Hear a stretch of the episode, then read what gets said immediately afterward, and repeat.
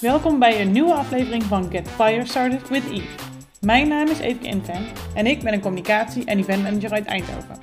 Ik raak geïnspireerd door ambitieuze ondernemers en daarom ga ik in mijn podcast met hen in gesprek in de hoop ook jou te inspireren. Welke reis hebben zij afgelegd? Welke lessen hebben zij geleerd? En vooral, welke grootste dromen mogen nog werkelijkheid worden? Dus luister, geniet en get fire started. Nou, welkom in mijn podcast. Mijn eh, gast van vandaag is Christ Kleijsen. Christ, zou jij jezelf even voor willen stellen voor ons? Nou, ik ben eh Christ, eh 91 jaar. Ik ben fotograaf. Zo zie ik mezelf in ieder geval altijd nog. Ik ben tien jaar geleden begonnen met voor mezelf werken, omdat ik een, een klusje kon doen in Rotterdam waar ik 150 euro mee kon verdienen. En toen dacht ik dat ik de hele wereld zou verdienen als ik eh 2000 euro kon factureren per jaar. Leek me een mooi begin. Toen studeerde ik nog op Sint-Lucas. Daarna heb ik nog Fontes Communicatie gedaan en daarnaast altijd voor mezelf blijven werken. En aan het einde van Fontes heb ik ervoor gekozen om eh, eh, in plaats van af te studeren mijn bedrijf verder op te bouwen. En eh, nou, inmiddels is dat alweer een aantal jaartjes verder. En ben ik nog steeds heel blij met die keuze, die misschien niet heel normaal is geweest. Ik heb inmiddels een compagnon en één iemand bij ons werken. Daarnaast heb ik een eh, lief vriendinnetje en hebben we net een kindje gekregen. Een gezinnetje. Een gezinnetje, inderdaad. Oké, en eh, je bent nu fotograaf. Je bent al heel lang fotograaf. Ja. Wat wil je vroeger worden als je later groot was? Eh, heel vroeger, toen ik heel klein was, wilde ik softwarearchitect worden, net als papa. En eh, daarna, toen ik er iets meer verstand van kreeg, toen wilde ik websites maken. En iets later bleek dat ik die vooral wilde ontwerpen. Dat is ook de keuze geweest om naar Sint-Lucas te gaan. En op Sint-Lucas merkte ik vooral dat inderdaad de ontwerpkant mij het meeste aansprak en niet de, de ontwikkelkant. Ik ben niet zo technisch aangelegd. En ehm, zo kwam ik eigenlijk bij grafisch ontwerpen terecht. En daar was fotografie een vak en eh, dat vond ik eigenlijk superleuk. Het is eigenlijk ook grappig, want mijn vader fotografeert dus al mijn hele leven voor zijn hobby. En ik vond het altijd maar irritant, want het duurde lang totdat het vogeltje op de juiste plek was. En vanaf het moment dat ik op Sint-Lucas mijn eh, camera vastpakte, heb ik hem eigenlijk niet meer losgelaten. En eh, ben ik daar compleet anders in gaan staan. Nu staan ze op mij te wachten. Ja, nou wel mooi, Dus- want je hebt dus wel eigenlijk gedurende je hele studie het gevoel gehad dat je die kant op moest. Wel sta- stapje bij beetje, maar wel. Ja, het, het, het ligt allemaal wel in elkaars verlengde. Het ene is weer het gevolg van een ander. En eh, steeds duidelijker werd voor mezelf wat ik, eh, eh, wat ik leuk vond en wat ik daarmee wilde doen. En ja, dat is uiteindelijk zo tot nu toe in ieder geval goed gegaan. Oké, en je zegt je hebt nu een compagnon. Ja. Wat was het moment dat je ehm, wist van nou, ik wil met iemand samen gaan werken? Of ik bedoel, veel ZZP'ers zijn natuurlijk ZZP'ers zodat ze hun eigen dingen kunnen bepalen. Zowel hun prijs als hun tijd, als hun agenda, als, als de afspraken. Waarin zat die shift voor jou? Nou, toen ik voor mezelf begon, of eigenlijk toen ik nog op Sint-Lucas zat, toen had ik al wel vrij snel door dat ik niet per se mensen onder me wil hebben, maar wel heel erg de drang had om niemand boven me te hebben. Om eh, zelf mijn eigen keuzes te kunnen maken, inderdaad mijn eigen dag in te kunnen delen en eh, tijd en geld te kunnen investeren in wat, wat ik het waard vond. En daar, dat is ook altijd mijn uitgangspunt geweest. En zo voelt het ook nog steeds, ondanks dat ik eh, nu iemand in dienst heb, voel ik mezelf niet als werkgever, maar is dat gewoon een collega van me en ik hou helemaal niet van hiërarchie. Alleen fotografie is een vrij eenzaam beroep als je dat alleen doet. En eh, dat heb ik een aantal jaar gedaan. Alleen eh, het voelt toch wel saai om in je eentje succes te vieren. En ik merkte dat ik het ook heel fijn vond om eh, dingen te kunnen sparren met iemand die exact in dezelfde situatie zat als ik. En dat je samen ergens voor kunt strijden. En dat, eh, toen kwam ik iemand tegen die daar eh, eigenlijk precies hetzelfde in stond. En die dat ook zo wilde doen. En toen hebben we eerst een tijd het samen geprobeerd. En dat beviel. En toen hebben we gezegd van nou, dan gaan we samen een merk eh, de wereld in slingeren. En dat is Twicer geworden. Oké, dat is Twice geworden. En heb je, ehm, dus je bent hem tegengekomen en daarmee ben je direct zeg maar, samen begonnen. Heb je daarin ook nog stappen gemaakt die wellicht niet zijn gelukt of die wellicht anders zijn uitgepakt dan dat je had gehoopt? Eh, ja, ik, eh, eh, het idee van een bedrijf. ik zal even beginnen bij het begin. Wij fotografeerden vooral festivals, daar ken ik Igor van. En dat deden wij voor onszelf. Ik huurde Igor wel eens in. Maar wij werkten ook allebei voor een collectief. En met de eigenaar van dat collectief hebben wij eerst met z'n drietjes geprobeerd om een bedrijf op te zetten. En eh, dat bedrijf opzetten is gelukt. Alleen eh, nadat we de handtekening hadden gezet, kwamen we erachter dat we toch een andere manier van werken hadden. Dus toen zijn we na drie maanden weer hebben we besloten om dat te ontbinden en ieder ons eigen pad te kiezen. Alleen met Igor was de samenwerking wel heel fijn. Ehm, en dat hebben we dus aangehouden. En toen hebben we wel meteen geleerd van, joh, we gaan niet meteen iets nieuws de wereld in slingen, maar we gaan eerst kijken of dat daadwerkelijk fijn is. Dus dat hebben we toen ruim een half jaar uh, achter de schermen zo gedaan. Terwijl we aan de voorkant nog gewoon twee eenmanszaken waren. En uh, uh, daarna pas zijn we met z'n tweeën Twicer geworden. Ja. Dus, en heb je, want je zegt net, je hebt de les geleerd om niet direct dus een bedrijf te stichten, et cetera. Zijn er nog andere lessen die je uit dat hele proces... Ik kan me voorstellen dat, en hoeveel niet op persoonlijk vlak, maar ik kan me voorstellen dat er heel veel zakelijke dingen zijn die erbij komen kijken, die voor een ondernemer belangrijk kunnen zijn, die je eigenlijk niet wist toen je het bedrijf begon, maar wel wist na een samenwerking die niet werkte van oké, dit zal ik nooit meer op deze manier doen. Of dit zijn dingen die je zeker geregeld moet hebben voor je begint. Je moet, uh, de allerbelangrijkste les die wij geleerd hebben, denk ik, is dat wij, uh, dat je op het moment dat alles goed gaat, moet je bespreken hoe je gaat handelen als iets niet goed gaat. Want dat traject om van dat andere bedrijf af te komen is uh, twee keer zo lang geweest als dat het bedrijf heeft bestaan. Uh, doordat wij niet heel duidelijk hadden omschreven hoe we van elkaar af zouden komen, om het heel hard te zeggen. En dat is dus super belangrijk. Dus het eerste wat ik met Igor nu heb gedaan, nu we Twicer hebben, is heel duidelijk omschreven van, joh, als het niet goed gaat, jij krijgt dit, ik krijg dit, dit is voor ons samen, dat moeten we dus verdelen. Uh, en dat staat eigenlijk allemaal zwart op wit op papier met handtekeningen eronder. En dan kan er ook nooit een discussie over staan. Dus als, het, als een van ons de keuze maakt van, joh, dit is niet meer wat ik wil, dan zijn wij relatief makkelijk uit elkaar omdat we dat hebben besproken op het moment dat je elkaar nog de hele wereld gunt. En ik denk dat dat een les is die, uh, die we de hard way geleerd hebben. Ja, ja. Dus het advies is inderdaad om van tevoren alles vast te leggen voor stel er gebeurt wel iets. Um... Ja, eh, ik zou, uh, we hebben best een uitgebreid ondernemerscontract. En ehm, daar, daar staat gewoon heel duidelijk in omschreven hoe je daarmee om moet gaan. En ik denk dat dat, ik heb, we hebben het gelukkig niet meer nodig gehad, maar ik denk wel dat dat een les is die heel veel ondernemers kunnen leren. En, want je hebt veel mensen, denk ik, die als ze samen een bedrijf beginnen, dan hebben ze allebei energie en is het heel gaaf en dan gaan ze het samen doen. Maar niemand denkt na over een uh, situatie waarin je toch niet goed samen kunt werken. Want het is bijvoorbeeld ook niet zo dat je iemand waar je privé heel goed mee op kunt schieten, dat dat ook een fijne uh, compagnon is. Ik denk dat ik met Igor heel goed klik. Uh, wij, tuurlijk kunnen wij ook als vrienden met elkaar opschieten. Maar het is heel erg fijn dat Igor precies aanvult waar ik niet zo goed in ben. Ik sta heel erg. Uh, ik heb een groot netwerk, ik ken veel mensen. Uh, maar ik werk een beetje chaotisch. Dat vind ik heel fijn. Um, maar dat is in sommige dingen heel goed en sommige dingen wat minder. En Igor is juist heel gestructureerd, heel geordend.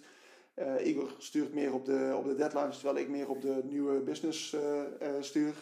En die aanvulling die is super fijn. En dat zijn dingen die je pas merkt als je het samen gaat doen. En niet per se als je vrienden bent. Ja. En ik denk dat dat wel een les is die wij wel geleerd hebben daaruit. Dat je... En heb je dan nu ook met Igor samen of met je compagnon dat, uh, heb je daar werkafspraken over gemaakt? Of is het een soort van natuurlijk verloop geworden over de taken die je oppakt en de rol die je hebt binnen het bedrijf? Het is een stukje natuurlijk uh, verloop geworden. Want uh, toen we Twice begonnen, toen had ik heel veel klanten en Igor had een paar hele grote klanten. Dus toen was het eigenlijk al ontstaan dat ik uh, nou ja, een groter netwerk heb, denk ik. Um, en dat is nog steeds zo. Um, waardoor, um, ja, dat, dat is eigenlijk altijd zo geweest. Ik was altijd op meer plekken, ik ging meer borrels af. En daar heb ik meer mensen uit leren kennen. En terwijl Igor meer bezig was met de achterkant organiseren, de administratie verzorgde Igor. En daar ben ik heel blij mee, want ik zou daar veel minder goed in zijn. Daar is hij gewoon heel goed in. Uh, en hij is heel strak in, in de dat soort afspraken nakomen. Terwijl ik alles snel aan de kant zou zetten voor nieuw business. Dus dat is uh, eigenlijk een beetje natuurlijk zo gegroeid. Oké, okay, en um, zijn er ook dingen, doen jullie bijvoorbeeld management trainingen samen, ik zeg maar iets, of is er een soort van leercurve die jullie allebei voor jezelf hebben uitgestippeld of voor het bedrijf? Nou, dat is toevallig dat we daar um, uh, eind vorig jaar wat meer mee bezig zijn geweest. We zijn toen we Twice begonnen, hebben we wel duidelijk een visie omschreven en een soort ondernemingsplan gemaakt. En zijn we daarmee aan de slag gegaan. En daarna zijn de eerste twee of drie jaar een soort van keihard rijdende trein geweest. Want er bleven maar opdrachten binnenkomen en we kregen met z'n tweeën in die bol gewerkt. En toen is ik nog bijgekomen en toen hebben we nog een vierde erbij gehad die net als ontslag heeft genomen. Dus dat is eigenlijk een trein geweest die heel hard heeft gereden en die eigenlijk heel erg goed de goede kant op ging. Want in het begin hebben wij gezegd, we willen ons focussen op bedrijven en we willen zorgen dat we heel divers werk hebben, dat we niet meer iedere dag hetzelfde doen. Dat was wat ons verveelde op festivals. Verveelde is niet het goede woord en dat, daar kwam een repetitie in en dat, daar, daar hielden we niet van. Dus daarom hebben we voor bedrijven gekozen en dat is eigenlijk heel goed gegaan. En pas eind vorig jaar uh, hebben we de tijd genomen om weer een keer uit te zoomen en, en, te kijken van joh, waar staan we nu, waar willen we naartoe, wat, wat willen we, hoe willen we er over vijf jaar bij staan, of over tien jaar, of over twintig jaar.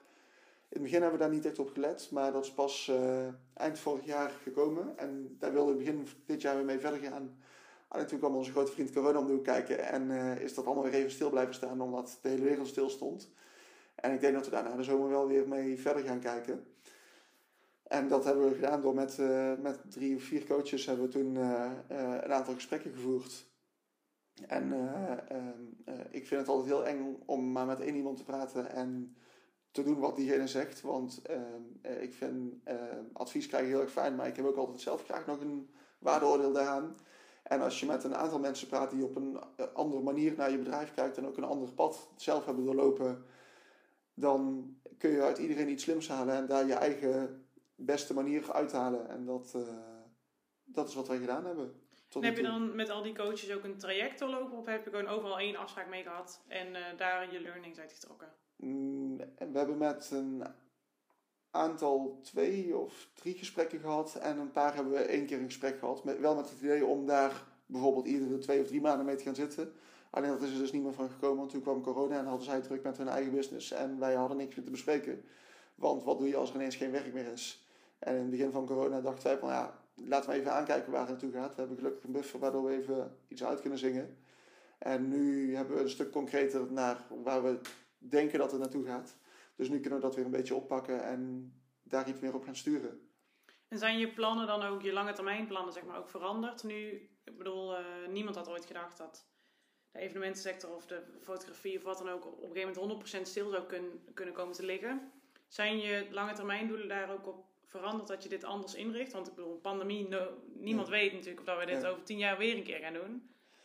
Ja, nou, ik, ik denk persoonlijk dat het uh, geen tien jaar gaat duren voordat het weer komt. Dus ik, uh, ik zou wel uh, ons bedrijf op een andere manier willen organiseren, waardoor we daar iets minder van afhankelijk zijn. Dat we iets minder afhankelijk zijn van de tijd dat we daadwerkelijk met een camera in onze hand staan maar veranderen. En nu is dat door corona iets eerder gebeurd. Alleen daardoor zijn mijn lange termijn doelen sowieso veranderd. Want ik wilde meer tijd thuis zijn. Ik wil een duidelijkere grens hebben tussen werk en privé. En uh, dat is nu door corona heb ik iets meer tijd gehad om daarover na te denken en daaraan te wennen. En dat is denk ik wel fijn. En want ehm, je compagnon, kijkt hij daar op dezelfde manier naartoe? Heeft hij ook een gezin en kan hij daar dan ook ehm, diezelfde beslissingen in maken? Of hoe hebben jullie dit besproken? Nee, die, uh, hij heeft geen gezin, hij heeft wel een partner, maar hij, uh, ik woon samen en uh, heb dus nou, echt een gezinsleven inderdaad nu. En hij woont nog alleen, zijn vriendin woont nog op zichzelf.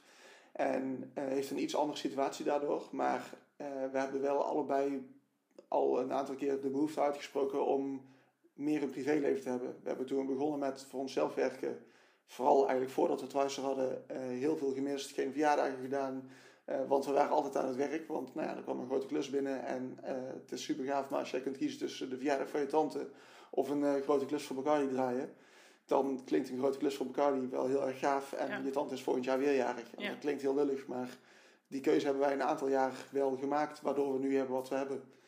En die keuze wil ik de komende jaren wat minder gaan maken. Dat, dat is wel iets wat ik heel duidelijk wil afbouwen. Dus um, ons focus op bedrijfsleven is een keuze geweest waardoor we meer ons werk kunnen plannen. En ik denk door corona dat we nog meer gaan focussen op wat uh, kunnen we plannen en waar worden we blij van en wat kunnen we niet plannen. Dus dat. Uh... En als je opnieuw zou gaan ondernemen en, uh, of terug zou gaan naar die ondernemende Christ elf jaar geleden.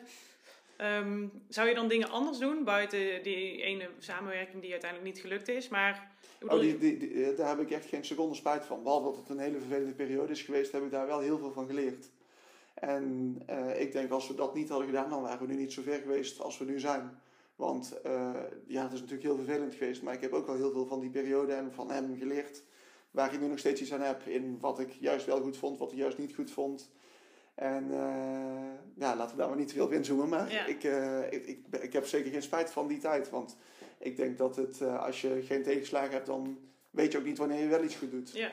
Dus, en als ik terug ga naar 11 jaar geleden, toen was het natuurlijk heel anders. Ik woonde nog bij mijn ouders thuis. Ik ben begonnen, nou ja, omdat ik 150 euro kon verdienen met een avondje fotograferen in Rotterdam.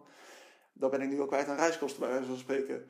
En 2000 euro per jaar dacht ik toen dat dat heel veel zou zijn. En dan moet het nu nog wel heel veel meer uh, doen dan, uh, dan toen, want anders dan krijgen we die hypotheek niet betaald. Ja, precies. Maar um, uh, als ik nu iets anders zou doen, ik, nee, ik, ik ben eigenlijk denk ik wel met heel veel keuzes die ik heb gemaakt heel blij. Ik ben heel blij dat ik fonds heb gedaan. Ik ben ook heel blij dat ik dat niet af heb gemaakt. Maar wel daar alle kennis heb opgehaald en een enorm netwerk eraan heb overgehouden. Want nou ja, al mijn oude klasgenoten zijn nu potentiële klanten van ons. Wat zich natuurlijk veel meer terugbetaalt dan de kosten die ik aan de opleiding heb gehad. Ja. En uh, mijn schoolcarrière is sowieso niet zo goed geweest, want ik heb de HAVO ook niet afgemaakt. Toen ben ik naar Sint-Lucas gegaan en dat is ook nog steeds een keuze waar ik super blij mee ben. Want daar heb ik enorm veel geleerd op praktisch gebied. En dat brengt mij nu nog steeds ook iedere dag verder. Want ik heb met dingen in Photoshop, Illustrator, InDesign hele praktische dingen maken. Even een flyertje, even een postertje hier en daar. Dat is voor mij heel erg makkelijk. Dus daar heb ik ook geen spijt van. Dus ik denk dat ik heel veel hetzelfde zou doen. Ervan uitgaan dat ik toen ook 11 jaar jonger was en niet. Ik, ik kon toen nog niks fulltime doen. Dus ik denk dat ik een hele fijne manier heb om heel geleidelijk aan een bedrijf op te bouwen. Want toen ik ermee bezig was, was ik geen bedrijf aan het opbouwen. Ik vond het leuk om feestjes te fotograferen en ik kreeg ervoor betaald. En ja, wat wil je nog meer als je 20 bent? Ja. Ik kon de kroeg ingaan en waar iedereen uh, geld uitgaf, nou, ging je met geld naar huis en had ik net zo'n leuke avond. Ja. Dus ik denk dat dat uh, zonder dat ik toen mee bezig was, heb ik daar mijn bedrijf opgebouwd en mijn netwerk opgebouwd en al die dingen gedaan. En als je, um, want je bent altijd een beetje het pad gegaan wat, wat voor je, zeg maar, wat op je pad, ja. de dingen gedaan die ja. op je pad kwamen. Ben je nu meer, omdat, je, omdat het nu echt een bedrijf is en je bent nu echt ook een ondernemer eigenlijk, ja. ben je nu meer een doelensteller en ga je meer echt een richting kiezen? Of blijf je wel op dezelfde manier je bedrijf runnen zoals je dat altijd een beetje hebt gedaan? Nee, ik, uh, we proberen wel met ons bedrijf een bepaald type klus binnen te halen en een bepaald type klus iets minder te doen. En uh, nou ja, nu is corona, dus dat is, uh, dan is het weer iets anders, want nu doen we wel een beetje wat op ons pad komt. Maar voor, voordat corona kwam, toen waren we wel heel duidelijk bezig met meer richting campagnewerk gaan, meer richting naar iets meer teamwork gaan en iets meer content maken waar over nagedacht is en iets minder vluchtige content maken. Uh, en daar hebben we bijvoorbeeld ook net een nieuwe studio voor gehuurd in het klokgebouw met, met echt een, een studioruimte waar we veel in kunnen. Dus uh, dat zijn natuurlijk kleine ideetjes, maar daarmee geef je wel een signaal af naar onze opdrachtgevers van joh, we hebben een studio, daar kunnen we een bepaald type werk in maken, waardoor die opdrachten ook meer komen. Ze zijn wel meer gaan kijken naar, joh, waar zijn we blij mee en waar, uh, waar kunnen we onze opdrachtgevers mee helpen. En daarnaast zijn we ook met, met andere dingen bezig geweest, zoals bijvoorbeeld een, een soort backup tool zijn we aan het ontwikkelen. Die heeft een tijdje op de plank gelegen, maar ik denk dat die nou weer tevoorschijn gaat komen, want we merken dat opdrachtgevers daar ook behoefte aan hebben. Die, wij maken heel veel content, alleen die zijn zij vaak weer kwijt, waardoor we later foto's nog een keer naar moeten sturen. En dat is natuurlijk ook een probleem waar we mee kunnen helpen. Dus we proberen onszelf iets breder te maken. We proberen uh, ander werk te maken, maar ook meer diensten te gaan leveren dan alleen maar de fotografie. Want nou ja, ik denk dat als er iets is wat we geleerd hebben van deze crisis, is dat het uh, niet slim is om maar op één dienst te, te focussen. Ja. Of ja, ik, fotografie is één dienst. We hebben natuurlijk een aantal genres fotografie waar we Ja. in werken en een aantal branches waar we voor werken. Maar het blijft fotograferen. Het blijft met de camera in je hand staan als je Ja. geld wil verdienen. En ik denk dat het geen kwaad kan om daar breder in te zijn. En als je kijkt dan naar die toekomstplannen, waar, eh, als je straks met je oude dag gaat, hoe ziet Twice er dan uit? Ik hoop dat Twice dan nog steeds bestaat en eh, dat er dan andere jongere fotografen bij zitten die net zo enthousiast en uh, bevlogen zijn als dat wij nu zijn en zijn geweest. Eh, want dat is denk ik iets wat heel kenmerkend is geweest voor ons. eh, dat wij heel veel energie hebben en heel blij worden van wat we doen. Sowieso word je natuurlijk geen fotograaf omdat je heel rijk wil worden, want dat gaat er niet worden. Dan kun je denk ik beter accountant worden of iets heel anders gaan doen. Fotograaf worden omdat je fotograferen leuk vindt. Ik denk dat dat ook wel heel kenmerkend is voor ons bedrijf trouwens. En ehm, ik hoop dat we tegen die tijd jongere mensen aan kunnen trekken die het tof vinden om bij ons te werken en samen met ons mooie dingen te kunnen maken. En uh, dat wij dan vanuit onze ervaring uh, meer als soort art director aan het werk kunnen en uh, andere mensen weer het, het creatieve camerawerk kunnen doen. Die techniek gaat heel snel vooruit. Wij houden er nu nog goed bij, maar ik denk dat dat ook op een gegeven moment ons in gaat halen. Dus daar moeten we nu al wel op voorbereid zijn. Daar zijn we nu al wel over aan het nadenken van, joh, hoe zouden we dat later willen doen? Dat is ook een van de redenen dat we Twicer heten en niet Christian Eagle fotografie of ja. Pleister Roelofse fotografie. Ja. Want Twicer is meer een, een universele werknaam waar andere mensen voor zouden kunnen werken. En kijk je dan ook echt naar, uh, of hebben jullie dan de ambitie om, om even groot te denken, hè? om weet ik wel, een contentbureau te worden of een strategisch, uh, of een reclamebureau of een strategische partner? Hoe zie je dat uh, voor je? Of hoe zou je het voor je willen zien? Ik uh, denk uh, dat dat ook afhankelijk is van wat, uh, wat onze opdrachtgevers gaan doen en willen doen. Ik vind het wel heel interessant om te filosoferen over wat het zou kunnen worden. En ik denk dat Twice het wel in zich heeft om meer een soort van contentbureau of misschien wel een, een, klein marketingbureau te kunnen worden. Maar dat ligt helemaal aan een type opdrachten dat wij binnenkrijgen en de mensen die we tegenkomen. Kijk, stel dat wij um, een partner tegenkomen waarmee we graag video zouden willen maken dan zouden we natuurlijk breder in, uh, in de zin van content kunnen worden. Maar we kunnen ook iemand tegenkomen die meer weet over het inzetten van onze content. Meer de, de PR-marketingkant op kunnen gaan. Of meer social media bijhouden. Uh, dat is natuurlijk ook iets wat heel erg in het verlengde ligt van wat wij doen. Dat wij niet alleen de content maken, maar ook de teksten bij bedenken en het plaatsen. En er zijn heel veel richtingen die we op kunnen. En die keuze die is, die hoeven we nu gelukkig nog niet te maken. Uh, maar ik vind het wel heel tof dat we die kanten allemaal op kunnen. En ik zou het wel leuk vinden als dat over een aantal jaar wel een keer gaat gebeuren. Dat we iets breder worden. En welke kant dat dan gaat worden is afhankelijk van hoe de situatie dan is, wie we tegenkomen, wat de opdrachtgevers zijn en wat, waar behoefte aan is. En jij en Igor staan dan aan het roer. En hoeveel, uh, hoe groot is het team of hoe groot wil je je bedrijf Zeg maar, wil je echt ooit een, een contentmachine worden met 50, 50 fotografen, 50 videografen en 50 nee, tekstschrijvers? Ik, ik, ik, denk dat dat niet onze ambitie is. Ik denk, uh, uh, ik sluit niet uit dat we ooit weer groter worden dan we nu zijn. We zijn nu met z'n drietjes, we zijn met z'n vieren geweest. Ik sluit niet uit dat we ooit een keer naar 5, 6, 7 mensen groeien. Maar ik denk dat ons bedrijf uh, zich wel kenmerkt door een persoonlijk contact met de opdrachtgevers. En dat verlies je gewoon sneller als je heel groot gaat. En ik denk dat Igor en ik allebei nu in ieder geval niet de ambitie hebben om echt zo'n groot bedrijf te hebben. Ik vind, uh, ik vind het leuker dat we nog contact hebben met iedereen en zelf ook nog een beetje met onze voet in de modder staan. Voet, voet uh, met twee voeten op de grond. Ja, ja, nee, ja met, met je, dat, dat we gewoon nog oh, zelf ja, ja, uh, aan het fotograferen zijn, zeg maar. En ik zou het wel jammer vinden als wij echt een meer sturende managementrol krijgen. Ik denk dat ik überhaupt geen manager ben. Ik ben meer bezig met kansen zien en uh, welke kant zouden we op kunnen gaan. En uh, meer de saleskant. Ik ben niet de, de, manager die mensen aan wil sturen. Dat is niet mijn rol. Vakantiedagen bijhoudt. Dat is zeker niet mijn rol. ik, uh, het liefst zou ik werken met, met mensen die geen vakantiedagen hebben, maar die maar gewoon op vakantie gaan wanneer ze het fijn vinden en terugkomen wanneer ze weer willen werken. En ik hou ook helemaal niet van uren bijhouden. Want uh, ik ben meer van een vertrouwensband. En als je werk af is en je gaat dan naar huis, dan vind ik het prima. Als jij het een keer in twee uur hebt kunnen doen, want het is een mooie middag en je gaat in de zon zitten een biertje drinken, dan geef ik je daar groot gelijk in. Zo zou ik het liefst willen werken.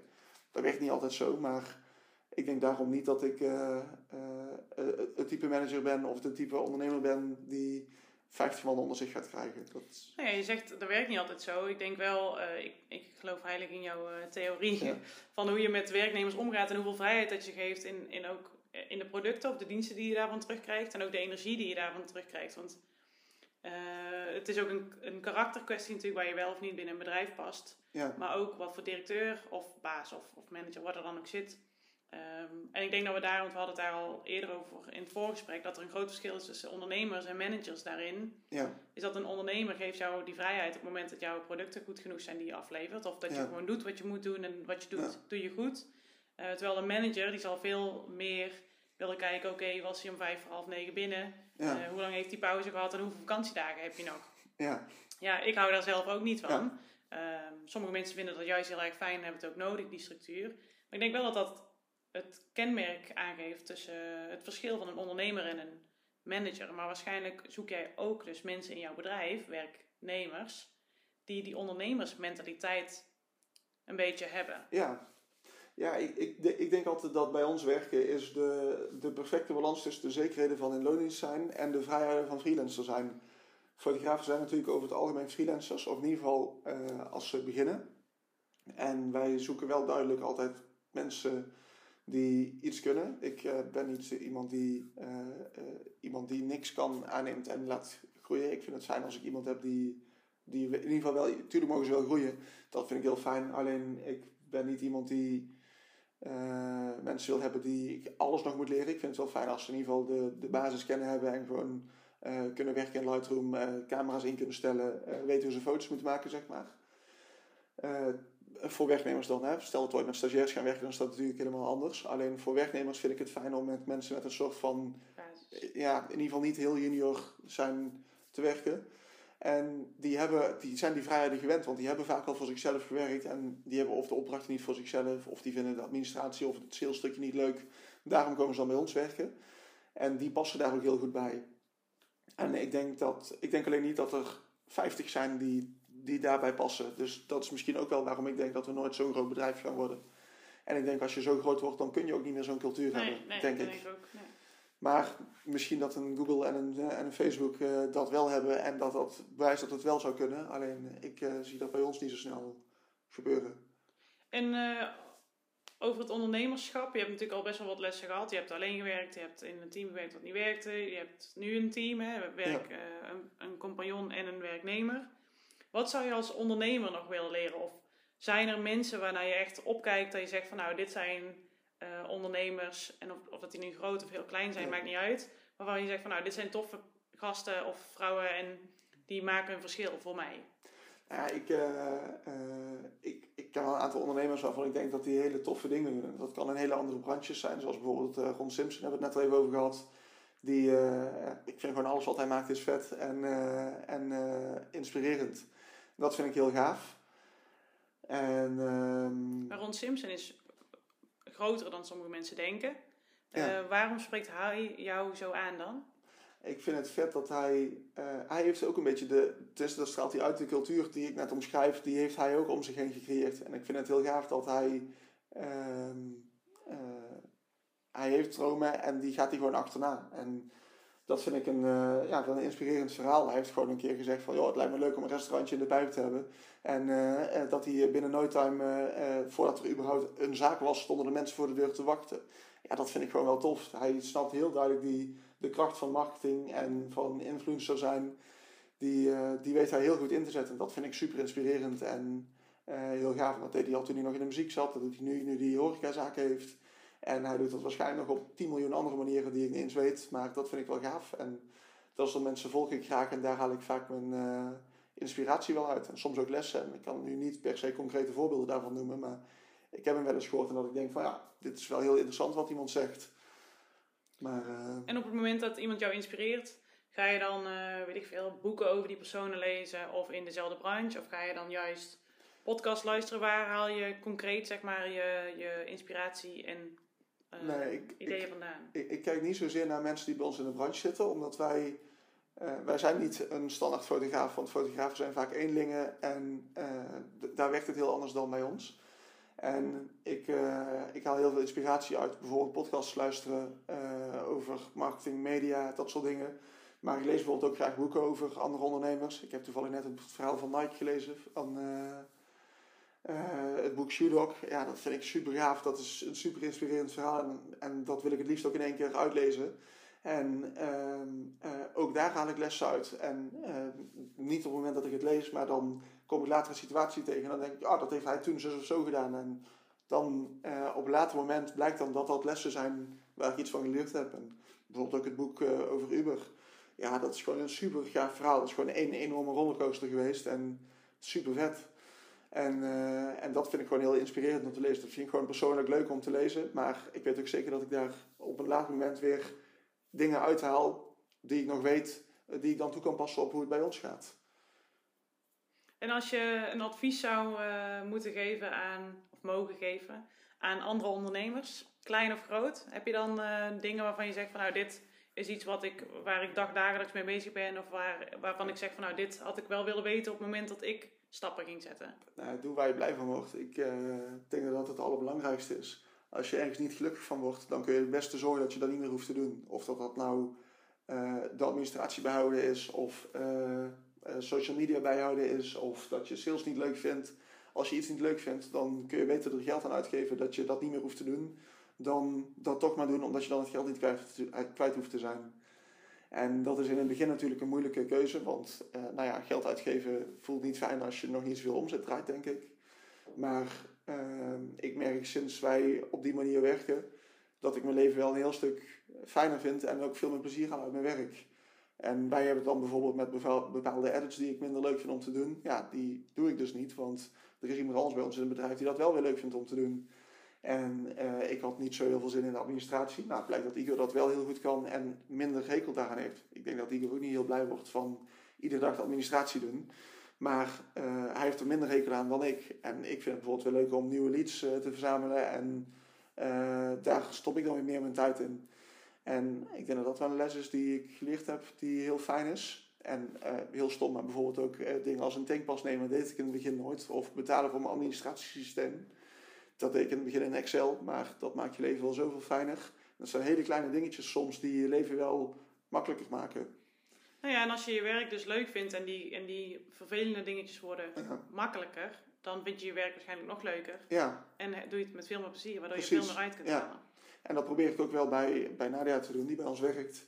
Als zij iets niet leuk vindt, dan wil ik ook dat ze dat aangeeft en dat we dat op een andere manier gaan inrichten. Want dat is niet alleen voor mij zo, maar ik wil ook dat zij in de long run ook bij ons blijft. Dus ik probeer ook haar werk leuker te maken en interessanter. En uh, ja, oh, en dat heeft niet altijd met uh, geld uitgeven aan iets te doen, maar het kan ook werk bij iemand anders neerleggen doen. Of juist werk wat ik zelf doe, wat ik misschien ook wel leuk vind. Als zij dat ook leuk vindt, dan leg ik het ook bij haar neer. En dat,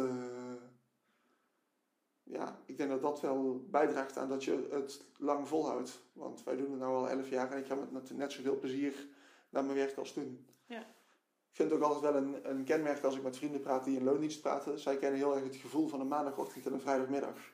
Ja, dat heb ik helemaal niet. Nou ja, en in fotografie, ik bedoel, je hebt natuurlijk ook altijd, uh, dat is bij mij in event management natuurlijk ook zo. Uh, in het weekend heb je ook gewoon vaak werk. Of s'avonds een keer op een maandag. Of dan heb je maandagochtend vrij en ga je dan ja. niets leuks doen voor jezelf. Eh, maar dan moet je wel op maandagavond werken, ik zeg maar iets. Dus dan ja, precies dat. En als je zorgt dat het werk wat je doet niet vervelend is, of dat je daar energie van krijgt en leuk vindt, dan maakt het niet uit wanneer je het doet. En ik denk als je het gevoel van die maandagochtend en die vrijdagmiddag niet kent, dan, ben, dan zit je op de goede weg, dan ben je lekker bezig. En dan kun je het ook lang volhouden. Ik denk als je dat niet hebt, dan ga je jezelf altijd een keer tegenkomen. Oké. Ehm, dan als afsluiter, wat is jouw volgende stap als ondernemer? Zeg maar welke eerste grote stap, of dat dit nu uh, iemand aannemen is, of je bedrijfsstrategie veranderen. Wat staat er op de planning, op de... Nou, ik, ik, denk dat voor mij persoonlijk is de, de, de volgende grote stap is een goede balans vinden tussen uh, thuis zijn. Ik heb net een kindje gekregen en ik, wil, ik, ik ben daarna pas ook gaan nadenken over wat voor vader wil ik zijn voor mijn kindje. En ik wil uh, absoluut niet de vader zijn die altijd aan het werk is wat ik wel natuurlijk heel lang ben geweest. Want ik heb verteld over de, de verjaardagen die ik veel gemist heb en uitjes met vrienden en zo. En ik denk dat mijn grootste uitdaging nu ligt in een balans vinden tussen wel alles doen voor mijn bedrijf en ondertussen ook thuis zijn en niet de vader zijn die thuis komt als mijn kindje ligt te slapen en weg zijn uh, als hij nog ligt te slapen. Fijn is natuurlijk wel dat je heel veel je eigen agenda kunt bepalen en je dus niet altijd van maandag tot vrijdag werkt. Dus je kunt daar wel ook in schuiven. Ja, nee, in principe kan ik daarin schuiven. Maar nu zitten we in een tijd dat we uh, een beetje al het werk aannemen wat binnenkomt. Dus bepalen mijn opdrachtgevers ook een bepaal, uh, voor een groot deel mijn, uh, mijn agenda. En alles wat niet met op locatie staan met de camera in mijn hand te maken heeft, kan ik zelf plannen. En een deel niet. En ik denk dat die balans houden, zorg dat daar een balans in blijft, dat dat mijn grootste uitdaging gaat zijn. En voor Igor ook, want hij heeft dan geen gezin, maar hij vindt het ook heel fijn, merk ik, dat hij nu meer uh, meer een privéleven heeft en uh, keuzes daarin kan maken. En daar hoort soms ook nee zeggen bij tegen klanten. En ik hoop dat we snel weer in een situatie komen dat we dat weer kunnen doen. Dat we weer kunnen focussen op wat we wel willen doen en welke klussen niet. En dat we die luxe positie weer krijgen dat we daar uh, keuzes in kunnen maken. Ja, en ik denk ook dat, nou ja, nu met corona heb je natuurlijk niet die luxe posities, logisch. Ja, Maar nee kunnen zeggen tegen klanten, omdat dat bijvoorbeeld niet past bij jullie bedrijf of Ja. dat soort dingen, is natuurlijk ook een kracht juist. Hè? Want ja, laat wel zien wie je wilt zijn als bedrijf en ook ehm, wie je niet wilt zijn, heel duidelijk. ja, precies. Ja, ja, zeker. Ik denk dat dat heel belangrijk is. En eh, het doet me heel even denken aan, eh, eh, aan een stukje over prijzen, wat, waar ik ook veel over heb geleerd. Dat is trouwens, als je nog een tip voor een boek wil hebben, moet je Geef Nooit Korting even lezen. Dat is denk ik een gouden tip voor startende ondernemers. En ehm, eh, eh, daarin heeft iemand ooit mij verte- da- daarin, daaruit heb ik geleerd dat je als je eh, iets wil, eh, of het nou een prijsniveau is of een bepaald type opdracht, als jij blijft bij wat je wil en aangeeft dat je iets niet kan doen, of het nou eh, voor een bepaalde prijs iets doen of een bepaald type opdracht niet doen omdat je dat niet leuk vindt. Ik heb dat zelf met, eh met bruiloften, vind ik niet zo leuk om te fotograferen. Dan kun je beter zeggen, nee dat doe ik niet, want die prijs is te laag of die bruiloft vind ik niet leuk. Want dan onthouden die mensen dat, oh, hij wil dat niet doen, hij wil dit doen. En dan bellen ze mij de volgende keer als we bijvoorbeeld een campagne hebben, die wil ik heel graag fotograferen. En als je dat aangeeft op het moment dat ze een aanvraag doen voor een bruiloft, dan denken ze, oh, dat is, dan onthouden ze dat je die kant op wil en bellen ze je de volgende keer als ze dat wel nodig hebben. En hetzelfde geldt als je eh, een klus wil doen waar, eh, waar het budget niet voor is. Als je dan aangeeft van, joh, dat budget daar kan ik het niet voor doen. Dan bellen ze jou de volgende keer als ze wel het budget hebben. Want jij blijft dan een beetje die onbereikbare Porsche die ze toch wel graag een keer in willen zetten. Terwijl als jij korting gaat geven voor een klus, dan eh, de volgende keer hebben ze misschien meer budget. Dan denken ze, ja, hij was toen die, dan willen we nu met iemand werken die beter is. Dus dan heb je eigenlijk jezelf omlaag gehaald. Ja, je zag natuurlijk nu met die coronatijden heel veel mensen die hun prijs omlaag deden. Of Ja. gratis cursussen, gratis Ja. alles. Want alles was gratis en online en eh, in handbereik. Ja. Hoe hebben jullie daar met het bedrijf, hebben jullie daar ook nog andere keuzes in gemaakt? Nee, ik heb eh, heel lang geleden al een keuze gemaakt dat ik maar twee prijzen heb. En dat is betaald en dat is gratis. En gratis is voor vrienden. En eh, dat zijn de mensen die ik eh, om twee uur s'nachts kan opbellen om mij op Schiphol op te halen, bij wijze van spreken. En dat is dus maar een handjevol mensen. Die mensen wil ik niks aan verdienen, die betalen niks. En iedereen die daar niet binnenvalt, die betaalt. Want ik moet ook gewoon mijn, mijn rekeningen betalen. En dat is voor mijzelf een hele heldere lijn. En dat hebben we ook gewoon aan, aangehouden tijdens corona. En natuurlijk kun je soms wel een keer een, een soort van partnership hebben of een barterdeal doen. Je kunt er vaak wel iets voor regelen. Of je zegt van, joh, ik maak de opdracht iets kleiner. Of, tuurlijk kun je altijd in gesprek gaan, maar in de basis hebben wij gewoon onze vaste prijzen en daar wijken we niet van af. En eh, dat hebben we ook tijdens corona niet gedaan. Want ik denk dat het alleen maar sterker is. Die, als, je, als je het boekje leest, daarin leer je heel goed wat je doet als je korting geeft. Eh, wat dat in het hoofd met iemand doet. En eigenlijk ondermijn je alleen maar je eigen prijs. En als je vasthoudt aan je prijs, dan, dan betekent het echt dat het die waarde heeft. En zodra je die gaat aanpassen, dan is die waarde weg. En daar, eh, dat wil geen één ondernemer, denk ik. Oké, dus tip van de dag, lees het boek, geef nooit korting. En Ja. lees het boek van Nike, Nike Ja. sorry, Ja, en, zeker. eh, en Uber. Eh, ja, nou ja, eh, Nike en Uber zijn meer inspirerende verhalen over ondernemers. En Geef met Korting is een boekje waar ik heel veel concrete tips uit heb gehaald. Als je nog een boekentip wil, heb ik nog Grip van Rick Pastoor. En die heeft een heel fijn boek geschreven over hoe hij eh, zijn leven organiseert. Zijn agenda, zijn e-mail, zijn planning, zijn to-do-list. Dat is een super hands-on, concreet boek.